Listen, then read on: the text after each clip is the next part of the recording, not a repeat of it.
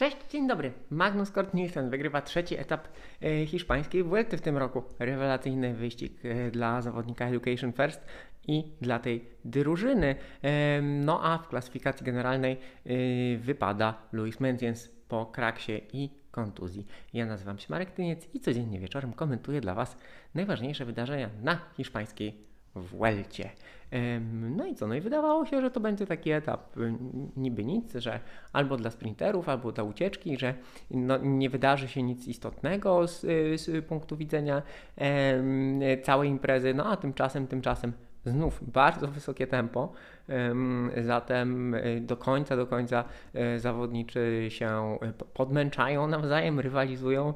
Rywalizacja o zwycięstwa etapowe mm, naprawdę, naprawdę bardzo zacięta. Duża ucieczka dnia, mm, znowu nie tak bardzo odpuszczona, teren wcale nie tak łatwy, jak wynikało to z profilu.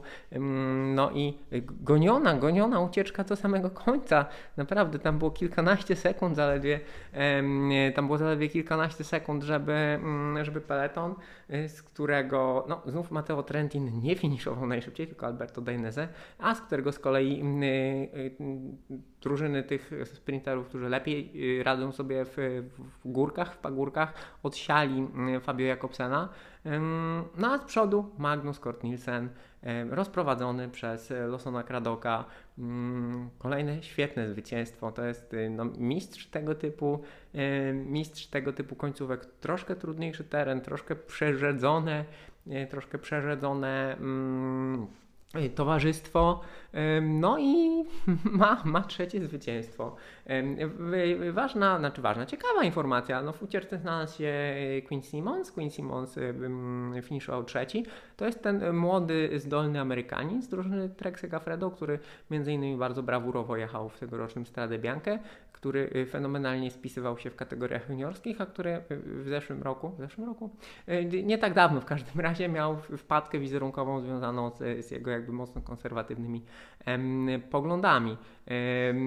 I, no ale kolarzem jest niezależnie od jego poglądów, tam był przez chwilę zawieszony wewnętrznie przez ekipę Treka, niezależnie od jego poglądów, no jest y, bardzo utalentowanym kolarzem, warto śledzić jego karierę, bo e, zobaczymy w którą stronę się rozwinie, czy w stronę zawodnika specjalizującego się w klasykach, e, czy w stronę zawodnika dającego radę w wyścigach etapowych, tygodniowych, a może dłuższych. E, w każdym razie Quincy Mons, no, trzecie miejsce, trzecie miejsce na etapie Dla e, takiego, e, dla takiego młodziana, e, no to jest fajna rzecz. Trzeba pamiętać, że on ma zaledwie 20 lat, to jest 2001 rocznik, słuchajcie. Takie, takie rzeczy, roczniki 2000 tutaj już zaczynają rozrabiać. Tak czy inaczej, Magnus Kort Nielsen świetnie, wygrana, gratulacje, szacunek, no cóż, cóż więcej powiedzieć. Ten etap, ten etap był dość długi, 190 km, zatem troszkę, troszkę szczerze mówiąc, po, po tych tutaj dokonaniach e, Magnusa Korta Nielsena, no będę, będę czekał na jego, mm, na jego jakby dobre wyniki w klasykach tak naprawdę i to w klasykach tych takich bardziej, bardziej eksponowanych, no bo tutaj na Vuelcie już powygrywał. E, więc pora, pora na, pora na coś więcej może. A może nie. tak czy inaczej, no chłopak ma 5 etapów na Vuelcie, 6. 6 etapów na Vuelcie wygranych y, to jest wielkie, y, trzy w jednym roku to jest wielkie y, osiągnięcie. W klasyfikacji generalnej, tak jak powiedziałem, no, Louis Mentiens po kraksie takiej pechowej gdzieś w środku peletonu, w jednej trzeciej pelotonu, więc to nie tak, że on całkiem zasła, z, z, zaspał, y, upadł, no i musiał się wycofać. No i wielka, wielka szkoda, bo yy, bardzo fajnie się tutaj odnalazł po jakichś takich chudszych latach. Tutaj naprawdę bardzo solidnie prezentował się w górach. Yy, miejsce w pierwszej dziesiątce praktycznie było dla niego pewne. Yy, wczoraj na Gamoniteiro jego drużyna rewelacyjnie pracowała, on sam też ścigał się z Dela Cruzem o, o to miejsce w, w top 10.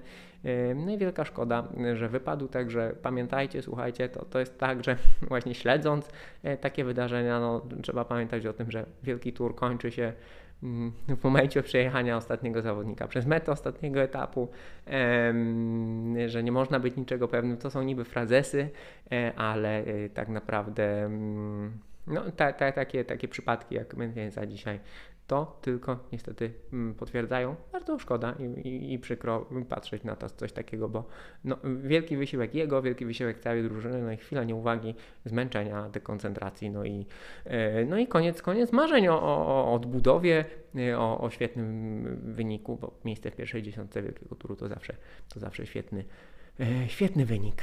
No i cóż, Jutro etap wcale, wcale niełatwy, tak? Jutro etap wcale niełatwy, bo dość długi, bo górzysty. Zobaczymy, czy to będzie czy, czy, może zobaczymy coś podobnego, co oglądaliśmy w 2015 roku, gdzie Rafał Majka wspiął się na podium e, po, po takiej szarży na ostatnim tego typu etapie. Czy jeszcze ktokolwiek będzie, e, czy jeszcze ktokolwiek będzie miał siłę? Meta jest na podjeździe, niby tylko drugiej kategorii, ale tych podjazdów numerowanych mamy 5, oprócz tego multum podjazdów nienumerowanych, ponad 200 km, ostatni dzień przed czasówką. E, cała masa zawodników i drużyn jeszcze bez e, żadnych zwycięstw, żadnych osiągnięć na tym wyścigu.